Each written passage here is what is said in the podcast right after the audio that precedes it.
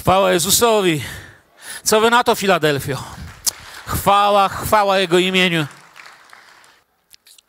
Coś wam chciałem powiedzieć o zapraszaniu Jezusa. Wiecie, e, pamiętam kiedyś mówiłem na temat zaproszenia Pana Jezusa do swojego serca. To jest tak ogólnie, tak o tym mówimy i, i nie zamierzam się tu jakiś y, słówek czepiać, wiemy o co chodzi. E, polecam wam szczególnie, znaczy nie wiem, czy wolno siebie polecać i swoje wykłady, ale jakby troszeczkę drugą stronę medalu z tego, co chciałbym powiedzieć dzisiaj.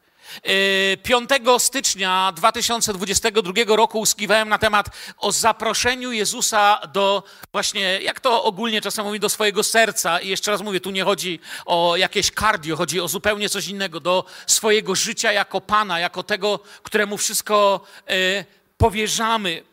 I tam było parę myśli na temat tej praktycznej strony modlitwy zaprasza, do zaproszenia Jezusa, jeśli to robisz. Jeżeli naprawdę poważnie chcesz, by Jezus był w Twoim życiu, to spróbowałem parę takich myśli tam zebrać i możesz sobie znaleźć na naszej stronie to nauczanie. I ono naprawdę nie dotyczy tylko nowych wierzących, bo zaproszony Jezus przychodzi i działa. I dzisiaj chciałbym troszeczkę z drugiej strony, tymi oczyma Ducha Świętego, popatrzeć na pewne zaproszenie i pewne wesele w Kanie Galilejskiej. Kto z Was przeczytał Nowy Testament chociaż raz, to wie dobrze, o czym będę dzisiaj mówił. Na początku Ewangelii Jana mamy dwie opowieści, i również w innych księgach Nowego Testamentu, które religijnym ludziom jakby troszkę nie pasują do reszty. Bo pierwsza opowieść to jest cud z winem, by ludzie mogli pić, a drugie to jest gniew, gdy Jezus wypędza przekupniów ze świątyni.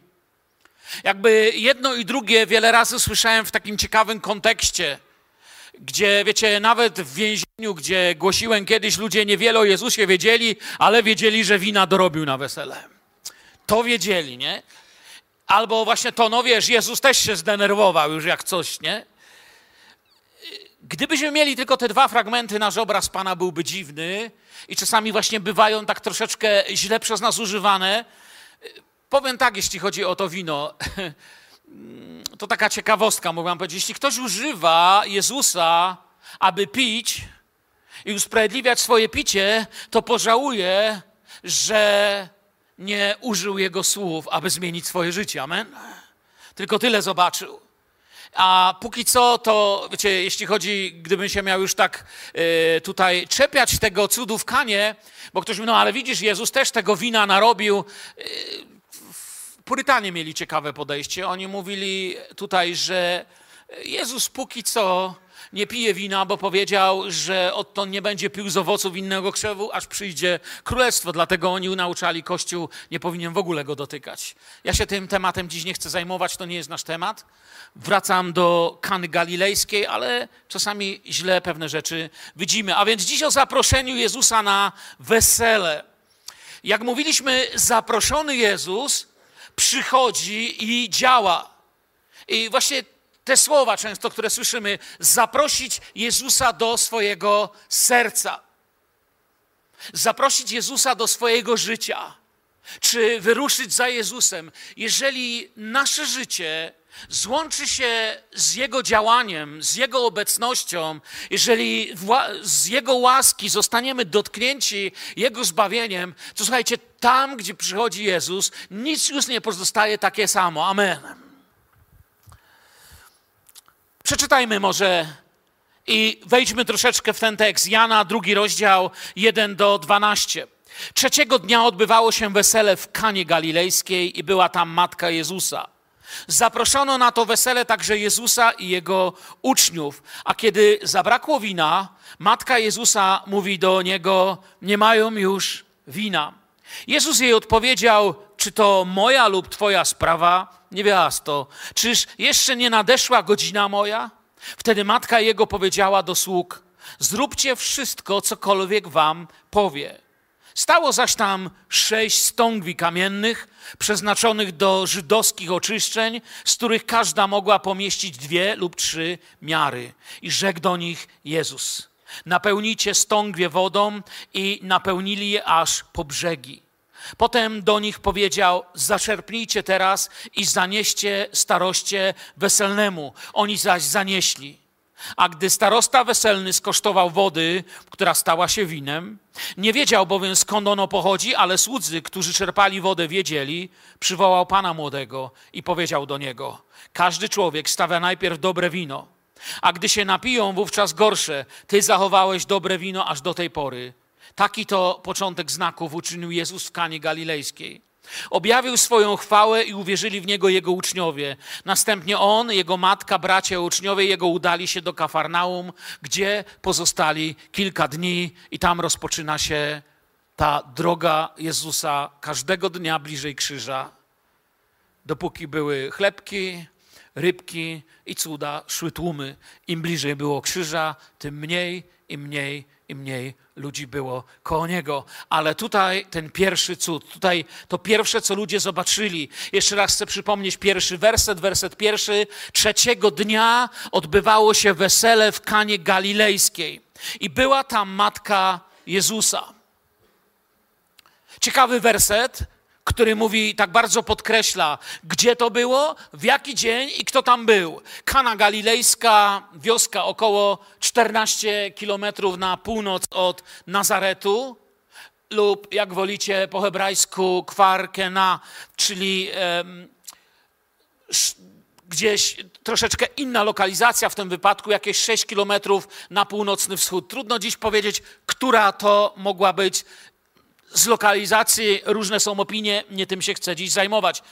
Ciekawe jest to słowo kana, pochodzi od słowa kanach, czyli z hebrajskiego nabyć lub dosłownie rura z trzciny.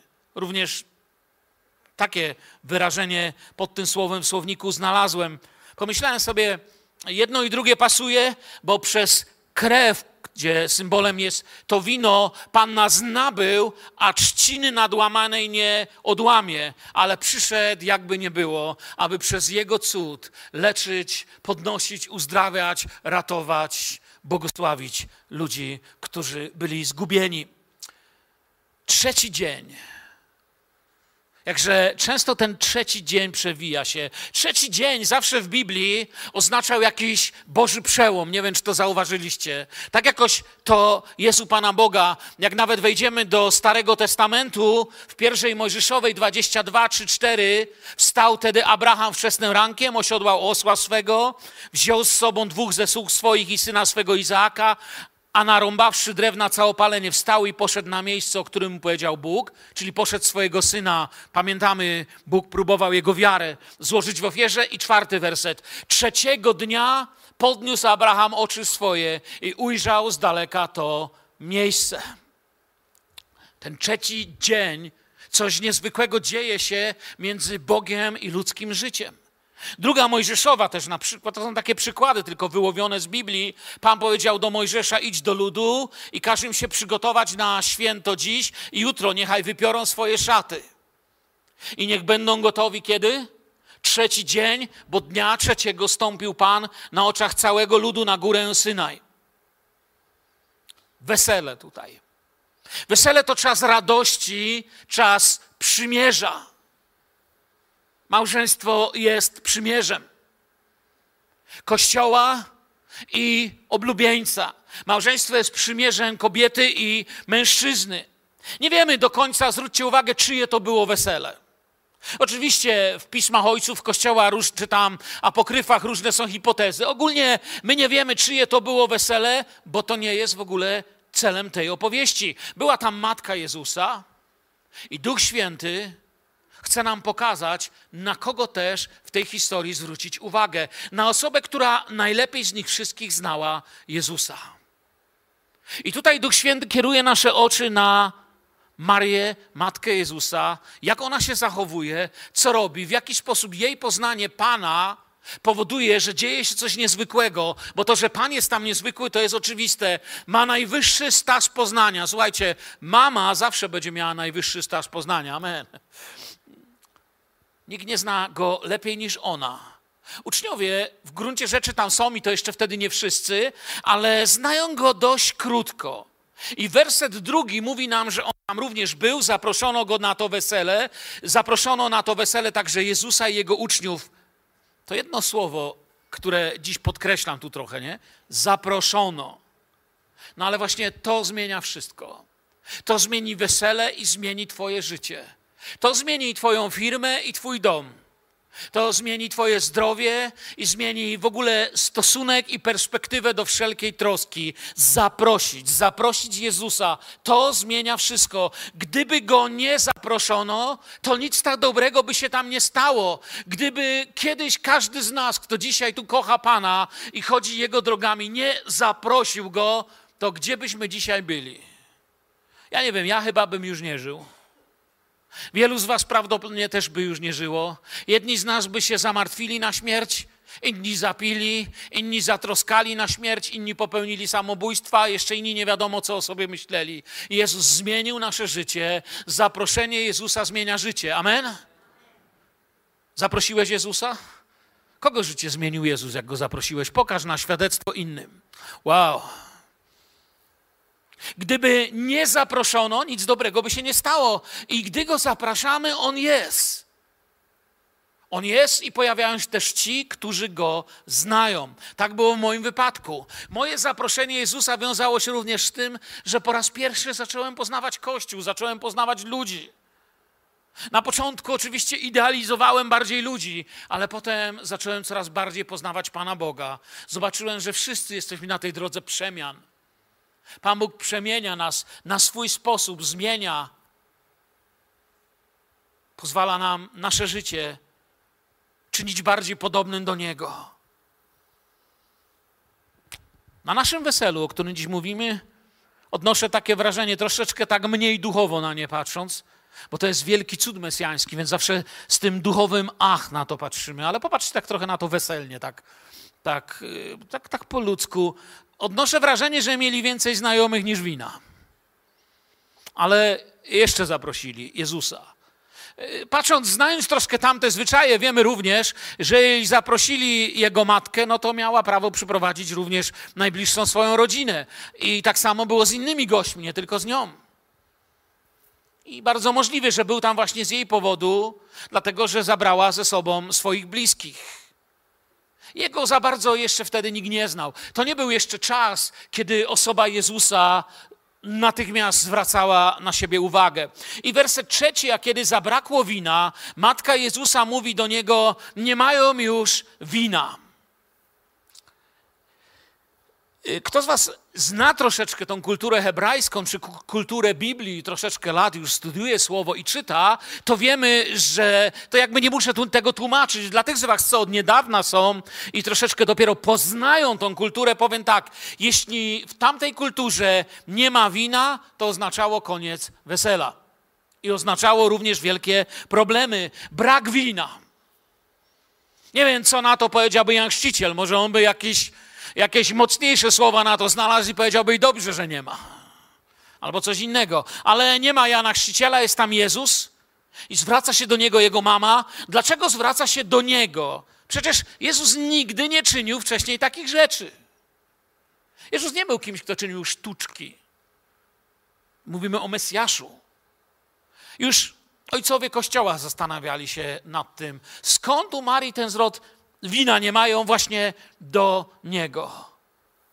Z tego, co w sercu przechowywała, z tego, co obserwowała. Czy wiedziała, że ten dzień to jest dzień, gdzie Bóg postawi pierwszy cudowny krok w historii czegoś zupełnie nowego, w historii Kościoła, który będzie rodził się przez następne lata, aż do Golgoty, przez dzień pięćdziesiątnicy, a jego historia sięgnie powtórnego przyjścia Pana, a my jesteśmy częścią tej historii. Już ojcowie Kościoła zastanawiali się, czemu ona to do niego mówi, ona go zna, obserwuje, rozmyśla.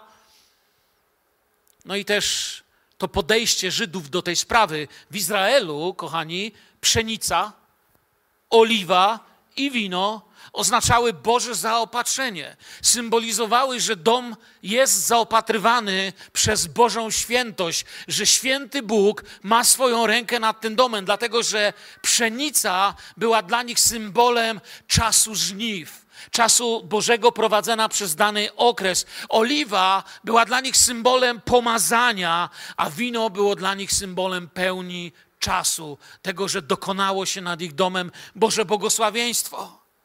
I opisane tutaj wesele to ten moment, o którym nie czytamy jakoś szeroko, zwróćcie uwagę w wypadku Marii i Józefa. Jeżeli cofniemy się do początku w Ewangelii, to nie zobaczycie zbyt wiele na przykład opisów, jak wyglądało wesele Marii, matki Jezusa i Józefa.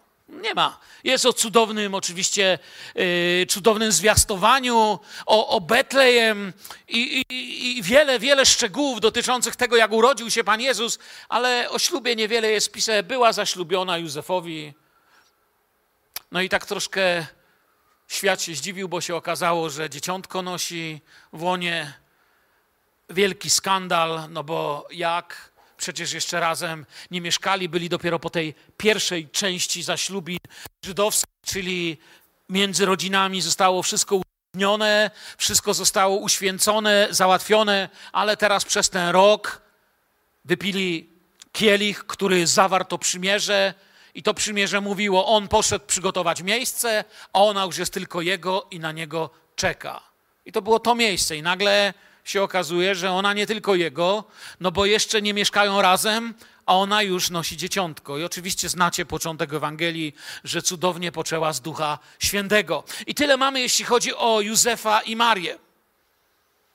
Tutaj jesteśmy, jak mówię, w tym drugim etapie, gdy pan młody w żydowskiej tradycji bierze swoją oblubienicę, czyli panią młodą, ona na niego czekała pewien okres, który tam był wyznaczony przez rodzinę i on przygotowywał dom i wszystko i tak dalej. Teraz może nie czas tutaj szczegółowo o tym mówić. I zabiera oblubienicę do swojego domu. Przyjaciele pana młodego w wielkiej procesji prowadzą razem z rodziną, z ojcem, spotyka się oblubienica, spotykają się rodziny. No, y, są fachowcy, którzy opowiedzieliby wam o żydowskim weselu, także, wiecie, można trzy godziny słuchać i mieć takie oczy. Uroczystości mogły trwać nawet siedem dni. Pan młody wychodzi naprzeciw, wraz z nim muzycy, orszak, radość, wiecie, cała wioska żyje. Pan młody zarzuca kraj swojej szaty na oblubienicę. Znak miłości, opieki.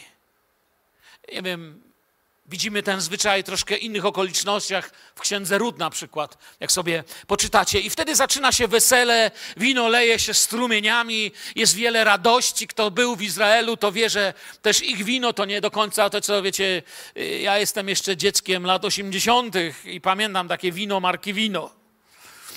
Było takie wino, miało wczorajszą datę produkcji. Kiedy miało tydzień, to już było stare i, I, pamiętam te naklejki nawet, one wiecie, nawet nie były wydrukowane, tylko ona była pieczątka taka, wino gronowe. Jeszcze tych skrótów chemicznych tam wtedy nie znałem, nie wiedziałem jak się oznacza siarkę i tak dalej. To było takie wino, że jak na buta kapło, to na drugi dzień dziura mogła być nawet albo co najmniej odbarwiona farba. To nie było takie wino, oni się, pamiętajcie, upijanie się tam wcale nie uchodziło za, za godne.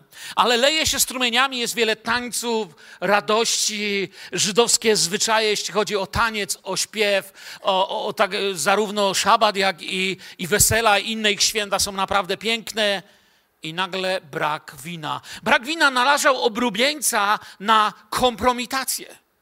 O tym by opowiadano w całej wsi przez następne 30 lat, kiedy by obchodził 30. rocznicę. Dalej by mówili, pamiętasz, może wina brakło wtedy. No, nawet nie mówcie o tym. To było bardzo ważne, nie mówiąc już o tradycyjnej grzywnie, którą musiałby płacić przez kilka miesięcy. Człowiekowi zawsze zabraknie tego, co przygotowuje. I patrząc na wino symbolicznie właściwie, to wina brakuje nam już od ogrodu Eden, żeby się naprawdę cieszyć na tym świecie. Człowiek się nie jest w stanie cieszyć na tym świecie już od ogrodu Eden, bo zawsze braknie nam tego Jego wina, tego, z czym On przychodzi. Dlatego zapraszamy Jezusa, większego niż wszelki ogień i wszelkie morze, jak dziś śpiewaliśmy. Amen. Wow. Werset czwarty. Jezus jej odpowiedział: Czyż to moja lub twoja sprawa, niewiasto? Czyż jeszcze nie nadeszła godzina moja? Tak po ludzku, to co tutaj Pan mówi, to co się tu dzieje, to nie ich sprawa, po pierwsze. Bo wino należy do odpowiedzialności oblubieńca Pana młodego i, i on powinien się zatroszczyć, żeby go nie brakło. A kiedy ta godzina braku nadchodzi, matka do niego mówi: Brakuje wina. A on mówi: Godzina nie nadeszła, i zaczynamy się czegoś uczyć. Wiecie, tylko w tym miejscu, czyli jakby na początku i na Golgocie, na końcu. Pamiętajcie, jesteście przy pierwszym cudzie Jezusa. W tym miejscu, na początku i na końcu Jezus mówi do swojej matki: Kobieto, niewiasto, kunei, czyli kobieto tłumaczymy. Początek i koniec. W tej kanie galilejskiej zwraca się do niej kobieto, niewiasto i tam na Golgocie również zwraca się tak do niej. Czy to moja lub twoja sprawa, kobieto, mówi. A na Golgocie powie, kobieto, oto syn twój, oto matka twoja. I czasami mamy tutaj takie błędne zrozumienie i próbujemy powiedzieć, zobaczcie, no wcale aż tak nie czcił i próbujemy, nie wiem, w jakiś sposób y, przekonać kogoś z Kościoła katolickiego. Zobaczcie, pamiętajcie, że naszym zadaniem nie jest poniżanie kogokolwiek i przekonywanie kogoś z Kościoła katolickiego o naszych poglądach na temat Marii. Naszym, naszym zadaniem jest świadectwo o tym, że w naszym życiu żyje Jezus. Co wy na to? Amen.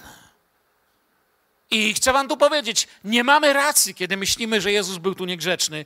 To nie był jakoś mało grzeczny zwrot, a raczej odwołanie się tu do jego odpowiedzialności, dorosłości przed Bogiem i przed sobą. Powiedziałby to nawet, gdyby nie był Mesjaszem, gdyby był tylko zwykłym mężczyzną żydowskim, ale w jego wypadku coś więcej to znaczy: ja teraz chodzę posłuszny godzinom, które przychodzą, godziny, dni zbawienia w woli Ojca, w woli Jahwe. On jest Mesjaszem. Nie czynię niczego, czego nie wziąłbym od Ojca. Nie mówię do Was niczego, czego by nie kazał mi powiedzieć Ojciec ojciec. To jest jego postawa. I mówi się, że uważał, iż to nie jego godzina, gdyż czyni tylko to, co przynosi chwałę ojcu. I nie chciał, aby, nie wiem, odebrano to tylko jako cud ku radości. Nie wiem, czy tak jest. Myślę, że wiedział, kiedy jest jego godzina, co się stanie. I jesteśmy świadkami tego dnia. Dla nas to stwierdzenie, tak jak mówię, brzmi dziwnie. Kobieto, niewiasto. Pochodzi z języka polityki, dyplomacji, oficjalnych relacji w rodzinie nie jest absolutnie niegrzeczne. Dokładnie chodzi o to, co jest między tobą i mną. Zastanówmy się, czy relacja między tobą i mną zobowiązuje mnie. To moment, w którym dyplomaci, przywódcy, ludzie stojący po tej samej stronie ustalali, co ich łączy w reprezentowaniu jakiegoś poglądu czy prawdy. Słyszycie mnie teraz? To nie jest nic niegrzecznego.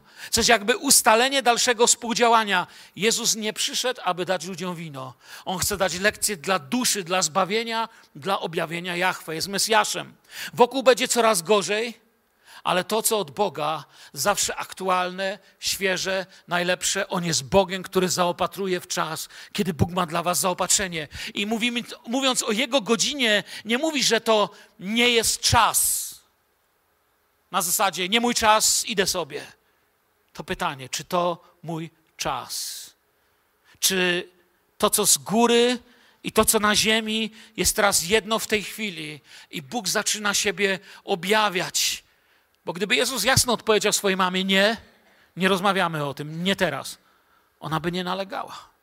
Taka to była kultura i takie było jej poznanie. Werset piąty mówi wtedy matka jego, zwróćcie uwagę, tam nie ma dyskusji już między nimi. Wtedy matka jego powiedziała, werset piąty, do sługi, zróbcie wszystko, cokolwiek wam powie. I ktoś was teraz zapyta, ok, widzę, że idziesz werset pierwszy, drugi, trzeci, czwarty, dochodzisz do piątego, czy chcesz coś powiedzieć? Chcę wam powiedzieć coś bardzo ważnego. Jeśli mnie posłuchacie, przyjaciele, dzisiaj, to jako Kościół znowu w czymś dojrzejemy, coś, coś jeszcze w nas się zmieni. Chcę Wam powiedzieć dziś o modlitwie, o oddaniu się Panu. To jest moje przesłanie na dziś. Wtedy matka jego powiedziała do sług: Zróbcie wszystko, cokolwiek wam powie. Ci, którzy znali Pana, często wiedzieli, co robić. Na przykład w pierwszej Mojżeszowej 41-45. Wtedy faraon mówił do wszystkich Egipcjan: idźcie do Józefa i czyńcie, co wam powie. Wiemy, że Józef był typem, praobrazem, jak wolicie powiedzieć, zapowiedzią proroczą postawy Jezusa.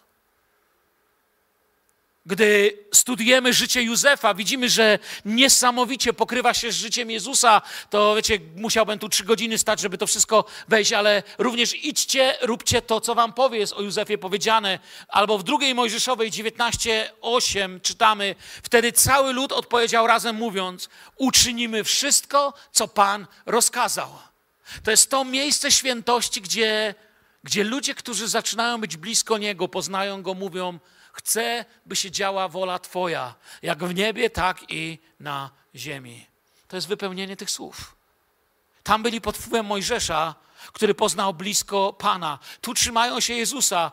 Tu jest ten moment, dlaczego Duch Święty chciał nam pokazać Matkę Jezusa jako jedną z głównych postaci po Jezusie w tej historii. Ona go zna najlepiej. Wynikiem jej poznania są słowa.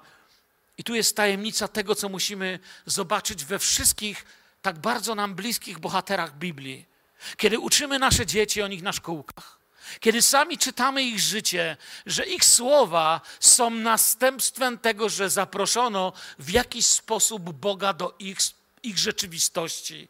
Gdy Bóg jest w Twojej i mojej rzeczywistości, to zarówno w pracy, w rodzinie, w domu, w trudnych chwilach, kiedy nas życie wyprowadza z równowagi, kiedy zdrowie szwankuje, kiedy pracodawca lub pracownicy szwankują, kiedy okoliczności szwankują, czy to jest moja pora, Panie?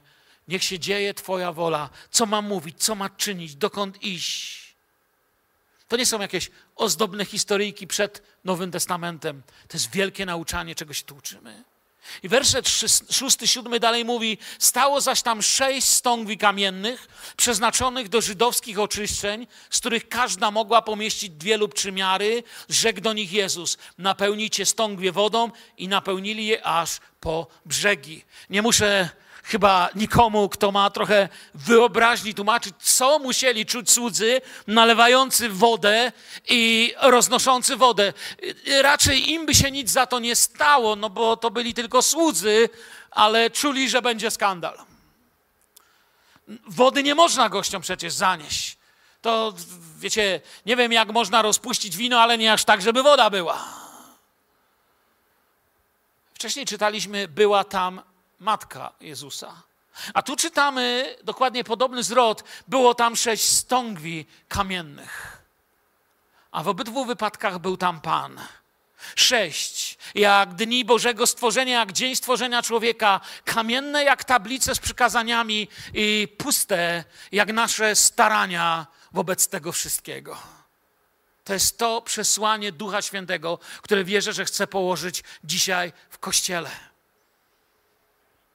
to by stągwie do oczyszczania, które go sami nie potrafimy sobie zapewnić. Pisze dwie, trzy miary. Wkrótce, gdzie dwóch albo trzech. Pan czyni cuda Jego obecności. Stągwie przez posłuszeństwo będą zawierać w sobie cud. Chcę Wam powiedzieć, nasze życie czasami jest świadectwem cudu. Niejednokrotnie z tego miejsca, czy na różnych naszych spotkaniach wychodził ktoś, kto dzielił się świadectwem Bożego cudu. Cud jest świadectwem nie tylko tego, co uczynił Bóg, ale tego, że w danym momencie byliśmy puści i pozwoliliśmy się Jemu napełnić. Co Cię napełnia, to będzie z Ciebie wypływać. Co Cię napełnia? Czym jest napełnione Twoje życie? W naszych czasach znam wielu ludzi, których życie jest napełnione taką goryczą, takim rozczarowaniem. Patrzą na telewizor, patrzą na polityków, patrzą na sytuację, na ekonomię, ekologię, socjologię i tak dalej, i tak dalej. Ich stają się stągwiami pełnymi kwasu siarkowego, pełnymi czegoś, co żre i zjada ich domy, ich małżeństwa, ich zdrowie, ich nadzieje, ich przyszłość. Chcę dzisiaj powiedzieć Kościele, jesteśmy zaproszeni do Pana, aby przez Pana, aby pewne rzeczy wylać do ścieków i przyjść do Niego. Oto jestem. Rezygnuję, poddaję się. Poddaję się, Panie, Tobie. Zrób coś z tym moim życiem. Poddaję się, wylewam ten mój kwas polityczny, socjalny, wylewam moje krzywdy, wylewam moje ambicje. Te stągwie będą zamieniać, zawierać w sobie cud. Sama matka, że tam była, nie mogła nic uczynić. Samo stągwie też nie, ale połączenie poznania z gotowością, z gotowością i miejscem na Boga, byciem tam dało cud. I myślę sobie, Panie, Uczysz mnie historii, abym był na Twoim miejscu, kiedy oczekuję na cud, abym był na, inaczej na miejscu wyznaczonym przez Ciebie. To jest to, co chciałem powiedzieć. Na miejscu Twoim dla mnie w tej chwili. To podkreślenie głównych elementów lekcji, którą weźmiemy dziś do Pana. I tak się też lekko czyta. No, były sześć stągwi, czyli sześć stągwi, czyli co? Czyli, czy, czyli co tak naprawdę? Sześć stągwi. Każda ma miary, dwie lub trzy miary, czyli około jakieś 40 litrów. W jednej stągwi, według tego, co tam pisze, mieści się w takim razie od 80 do 120 litrów, a wszystkie 6 razy 80 przy tych małych, zakładając też 480 litrów, 6 razy 120 przy dużych 720 litrów. Krótko mówiąc, jak to podkreślamy, dużo wina. Dużo. I drogo. A jeszcze takie. Podejrzewam, że gdybyście mieli okazję skosztować tego, co tam Jezus zrobił, to francuskie wino używalibyście do mycia umywalki. Nasz problem w tym, że widzimy tylko wino. To prorocza zapowiedź mesjańska. Ilość nie jest tu czymś głównym, ale chodzi o jakość. Jezus kazał je napełnić wodą, Zaraz, czy Jezus sam nie mógł stworzyć wina tam w środku z pustych? No mógł. Jaki problem dla Jezusa? Wiecie, gdyby Jezus chciał, to już jest źle powiedziane zdanie, ale skończę, bo to jest źle wypowiedziane zdanie. Gdyby chciał, to ono by się ciurkiem polało z nieba, czerwone. Ale on nie chciał chcieć takich rzeczy. To nie był jakiś magik który sobie wędrował i pokazywał ludziom sztuczki. To był Mesjasz, pamiętajmy. To był ktoś, kogo życie wpłynie na to, że już wkrótce cały wszechświat razem z ziemią, z Kościołem odezwie się wielką chwałą i będziemy patrzeć, jak 24 starców pada przed tronami. Już to oglądamy w objawieniu. Jeszcze trochę, a życie, całkowicie jego życie pochłonie śmierć, która jeszcze dzisiaj trochę działa. To jest Mesjasz. Jezus kazał je napełnić wodą. Czy nie mógł sam ich napełnić winem, wracając? One nas uczą o pełni gotowości na Boży cud. Napełni się oczekiwaniem. Chcę dzisiaj się zwrócić do Ciebie. Przychodzisz od kilku lat do naszego zboru, być może al dawna, może od tygodni. Ciągle jesteś chory, ciągle nie ma odpowiedzi na Twoją modlitwę. Modlisz się o, i tutaj wpisujesz sobie w te kropeczki, o co się modlisz. I widzisz, że ciągle nie ma odpowiedzi. Być może nawet już przestałeś wychodzić na modlitwę do przodu, bo mówisz: Bóg nie chce zrobić tego, co ja bym chciał. Ja chcę dzisiaj wezwać nas. Głoszę do siebie, bo i mi się zdarzały chwile, kiedy nawet na tej sali byliście wtedy w pracy, w szkole.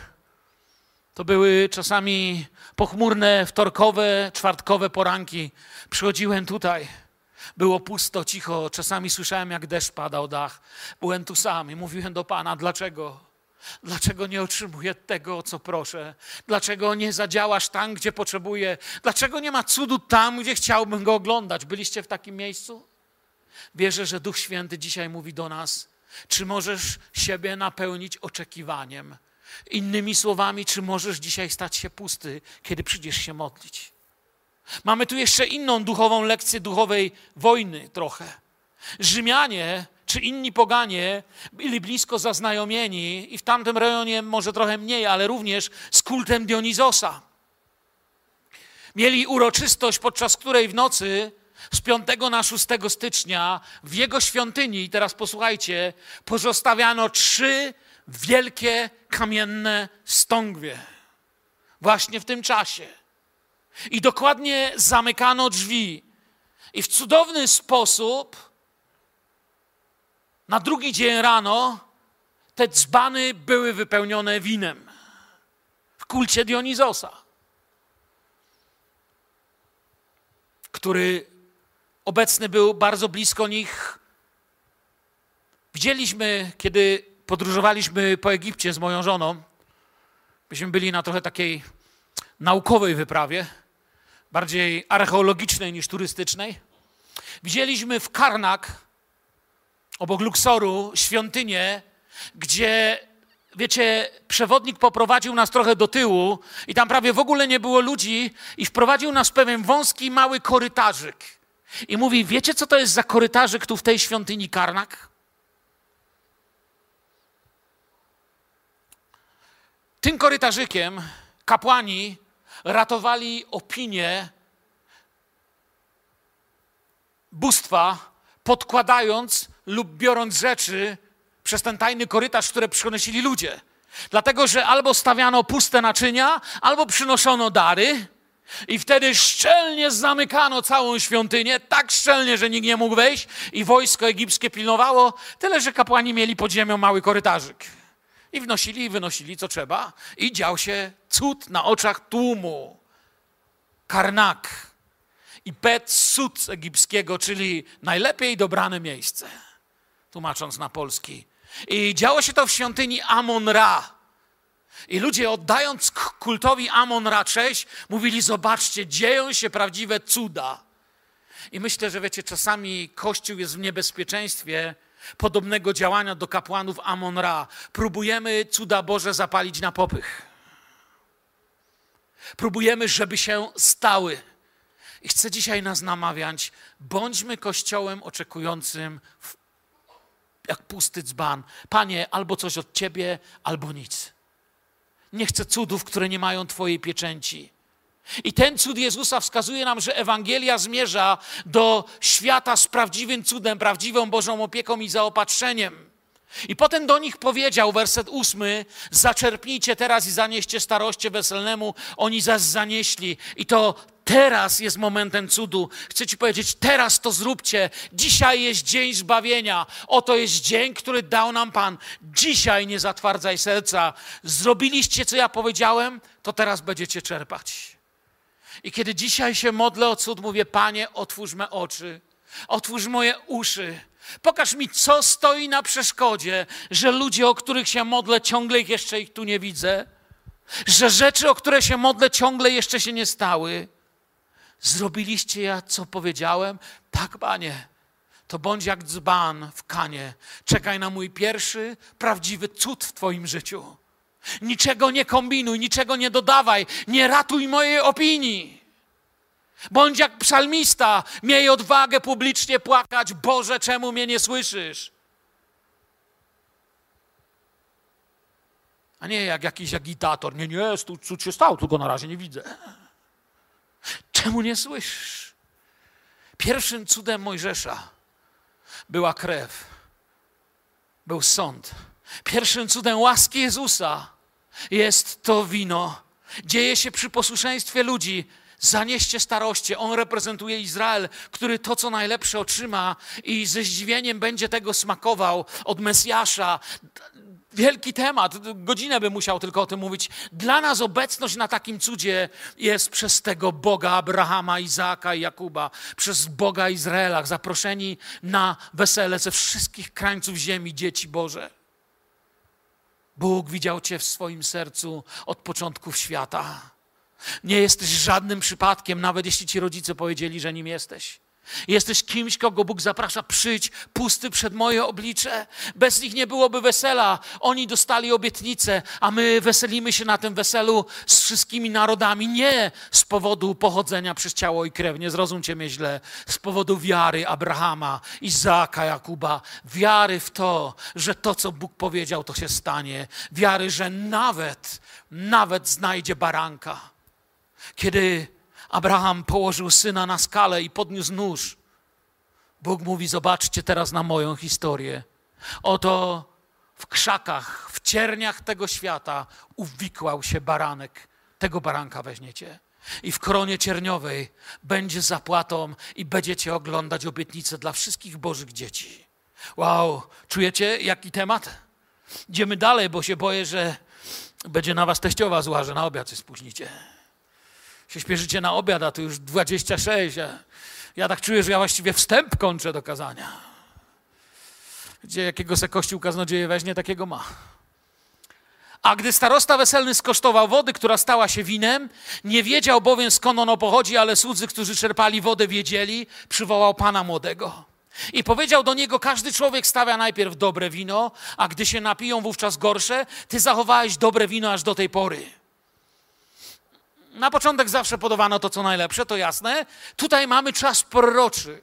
To, co dobre ludzkie się wyczerpuje, a to, co u Boga najlepsze, dopiero przed nami. Co wy na to, Filadelfio? Wow, czujecie to? O, widzę te uśmiechnięte twarze, co najmniej połowę zboru. Jak będzie cały, dalej będę głosił. Oddajmy chwałę Jezusowi. Wow. Starosta nie wiedział, skąd ono pochodzi, ale Duch Święty jest jak wiatr. Nie wiesz, skąd przychodzi i dokąd idzie. Nie wiedzieli, kto to i dokąd poszedł, ale zaopatrzył. Bóg przychodzi, poznajemy dobro Boga i słudzy, słudzy wiedzieli. Maria wiedziała. Ci, co napełnili, wiedzieli. Ja już widzę noc poślubną Pana Młodego. Zaszywają namiot, a Pani Młoda się go pyta, na czym Ty tak myślisz? A nad tym winem. A co się stało? Wiesz, kupiliśmy, kupiliśmy to izraelskie, to dobre, ze wzgórz Golan. Ale to, co było potem. Wow. Jezus nie pozostanie długo gościem, on działa. Starosta weselny był, wiecie, starosta weselny to nie był jakiś, żebyście nie zrozumieli, jakiś ważniak. To był często nawet niewolnik. On obsługiwał, on służył, ale był w tym sługą i oglądał cud. Oto w jakim miejscu stawia się Pan. Pan się postawił przy nim w miejsce sługi. Wiesz, jak jest w tym świecie? No jak jest? No każdy człowiek daje najpierw to, co dobre, potem to, co złe. Pamiętasz, jak chodziłaś z twoim mężem? Znaczy te 30, 20, 10 czy rok temu? Jak chodziliście, to facet stawiał najlepsze, nie? A teraz ty musisz gotować dzisiaj. Ludzie dają najpierw to, co najlepsze. Ja jestem wyjątkiem i tak się dziwię, że moja żona ze mną została, bo ja ją wziąłem na bigos na pierwszą randkę. To jakiś koszmar. Nie wiem, czy się do tego przyznałem wcześniej kiedykolwiek. To ja właśnie. Ale na początku wszystko jest takie piękne, ale potem przychodzi pustka. Dobrze, że zaproszono Jezusa. I taki to początek znaków uczynił Jezus w Kanie Galilejskiej. I kończąc, żeby się modlić o to cel wszystkiego, co tu mamy, gdy zapraszamy Jezusa, On się staje starostą, gospodarzem naszego domu, naszych nadziei na zdrowie, małżeństwo i cudo, który chcemy się modlić. On nigdy nie pozostanie gościem, który jest ozdobą. On będzie zawsze sługą, który chce nas błogosławić. To był początek znaków. Jan oczywiście pisze o sześciu innych, chcę je wam szybko przeczytać. Jak będziecie czytać Ewangelię, znaków Ewangelii Jana siedem, symboliczna liczba oznaczająca pełnię. Pierwszy znak to było przemienienie wody w wino, to co widzieliście. Drugi będzie uzdrowienie syna dworzanina, wielka lekcja dla was dzisiaj. Trzeci, uzdrowienie chorego nad sadzawką Betesda. Czwarty, nakarmienie pięciu tysięcy ludzi. Piąty, Jezus chodzi po wodzie. Szósty, uzdrowienie niewidomego od urodzenia. Siódmy znak, wskrzeszenie łażarza z martwych. Siedem mesjanistycznych znaków Jezusa. Siedem znaków pokazujących, gdzie i jak Bóg dotyka ludzkie życie. I potem przyszedł czas na największy znak znaków, którego zapisać się na jednej tablicy nie da, a który jest świadectwami nas wszystkich. Jezus jest dzisiaj tu. Jezus żyje. Jezus zmartwychwstał, a grób jest pusty. Amen. To jest ten wielki znak. To są znaki na drodze. Oto Jezus nie będzie gościem. Przyszedł coś zmienić. Przyszedł coś pięknego zrobić. I oto historia Kościoła w jednej tabletce. Opowiem Ci historię Kościoła i opowiem Ci historię Twojego chrześcijańskiego domu w pięciu zdaniach. Zróbcie, co powie. Napełnijcie, czerpcie, rozdawajcie, radujcie się. Co wy, kościele, na to? Napełniajcie i radujcie się swoim Panem. Tego dnia było wesele w Kanie. Trzeciego dnia powstał z martwych. Dziś żyjemy blisko kolejnego trzeciego dnia. Wtedy wydawało się, że nie ma wina, ale był ktoś większy niż starosta. Dziś wydaje się, że nie ma nadziei, ale jest ktoś większy niż politycy i siły tego świata. Ozeasz proroczo opowiada o trzecim dniu, trzecim tysiącleciu. Kościół się w to wpatrywał od, od początku. Ozeasz 6, 1, 3. Chodźcie, zawróćmy do Pana. To jest pierwsza ważna rzecz. On nas rozszarpał, On nas też uleczy. Zranił i opatrzy nasze rany. Po dwóch dniach wskrzesi nas do życia. Trzeciego dnia podniesie nas i będziemy żyli przed Jego obliczem. Nie wiem, czy to tutaj widzicie. Staramy się więc, starajmy się więc usilnie poznać Pana, że Go znajdziemy. Pewne jest jak zorza poranna i przyjdzie do nas jak deszcz, jak późny deszcz, który zrasza ziemię. Za chwilę chcecie zaprosić do modlitwy. Chcę, abyś usłyszał dziś wewnątrz swojego życia, wewnątrz Twojego serca, wewnątrz Twojego bólu. Gdybyś mi opowiadał o Twoim bólu, byłoby mi Cię bardzo, bardzo żal, ale nie mam mocy tego zmienić. Wiem, że wielu z Was przechodzi przez wielkie doliny cienia. Przestań studiować fale. Zacznij wyglądać Jezusa. Jest pewne, jest pewne jak zorza poranna, że przyjdzie. Jest pewne jak deszcz, jak późny deszcz, który zrasza ziemię. Mamy prosić i modlić się z wiarą Marii. Wskazuj na Jezusa z pokorą sługi. Wsłuchaj się w słowo. Z radością przyjmij Jego dar. I coś cię. Nie wychodź tu, jak się chcesz skupiać na sobie. Przyjdź tu, jeżeli chcesz, abyśmy wszyscy skupili się na Jezusie. Amen. Resztę kościoła chcę poprosić, byśmy się dziś pomodlili o tych, którzy na to nabożeństwo przyszli trochę zrezygnowani. Cię często, kiedy mamy odprawę w moim biurze z tymi, którzy będą usługiwać, modlę się razem z tymi, którzy głoszą, grają, którzy wam wyświetlają tam z, z technicznych pomieszczeń i tak dalej, którzy robią streaming. Modlę się, Panie. Ty wiesz, kto z czym przyszedł. Niektórzy z Was przynieśli na plecach niewidzialne kamienie, już aż się udginacie. Gdyby przez chwilę je było widać, to podbieglibyśmy, żeby Wam pomóc nieść. Niektórzy z Was przynieśli umarłe nadzieje już nie wierzysz, już nie wychodzisz, już nie prosisz. Coś Ci powiem. Chcę poprosić, aby do Was podeszli modlić się inni zborownicy, którzy, którzy mają siłę wierzyć. Ci z tych naszych różnych służb modlitewnych, nie tylko starsi zboru, którzy mają siłę stanąć koło Ciebie i powiedzieć Ci to nic, że stoisz pusty jak ta stągwia. Kiedy tak stoisz przed Panem, to jest najlepsze, co może się stać. 30 lat temu, w 90 roku, pamiętam kazanie naszego pastora. Nie wiem, czy on pamięta te słowa. Gdy życzę rzucić cię na kolana, to jest najlepsza pozycja, w jakiej możesz się znaleźć. Pamiętałeś, pastorze, te słowa? 90 rok. Ja lubię stare kazania słuchać. Myślę, że kazanie sprzed 30 lat jest prawdą. Rzuciło cię życie na kolana, to dobra pozycja. Pozwól nam się z Tobą pomodlić. Za chwilę zespół będzie nam usługiwał. Przyjdź tutaj, a inni zobaczą, że tu jesteś i podejdą, aby wierzyć z Tobą, aby stać z Tobą, aby Ci powiedzieć: czekaj, bo jeżeli nie dziś, to jutro rano pewne jest jak zorza poranna. Bóg mówi: Ja reaguję. Powstańmy i uwielbimy Pana.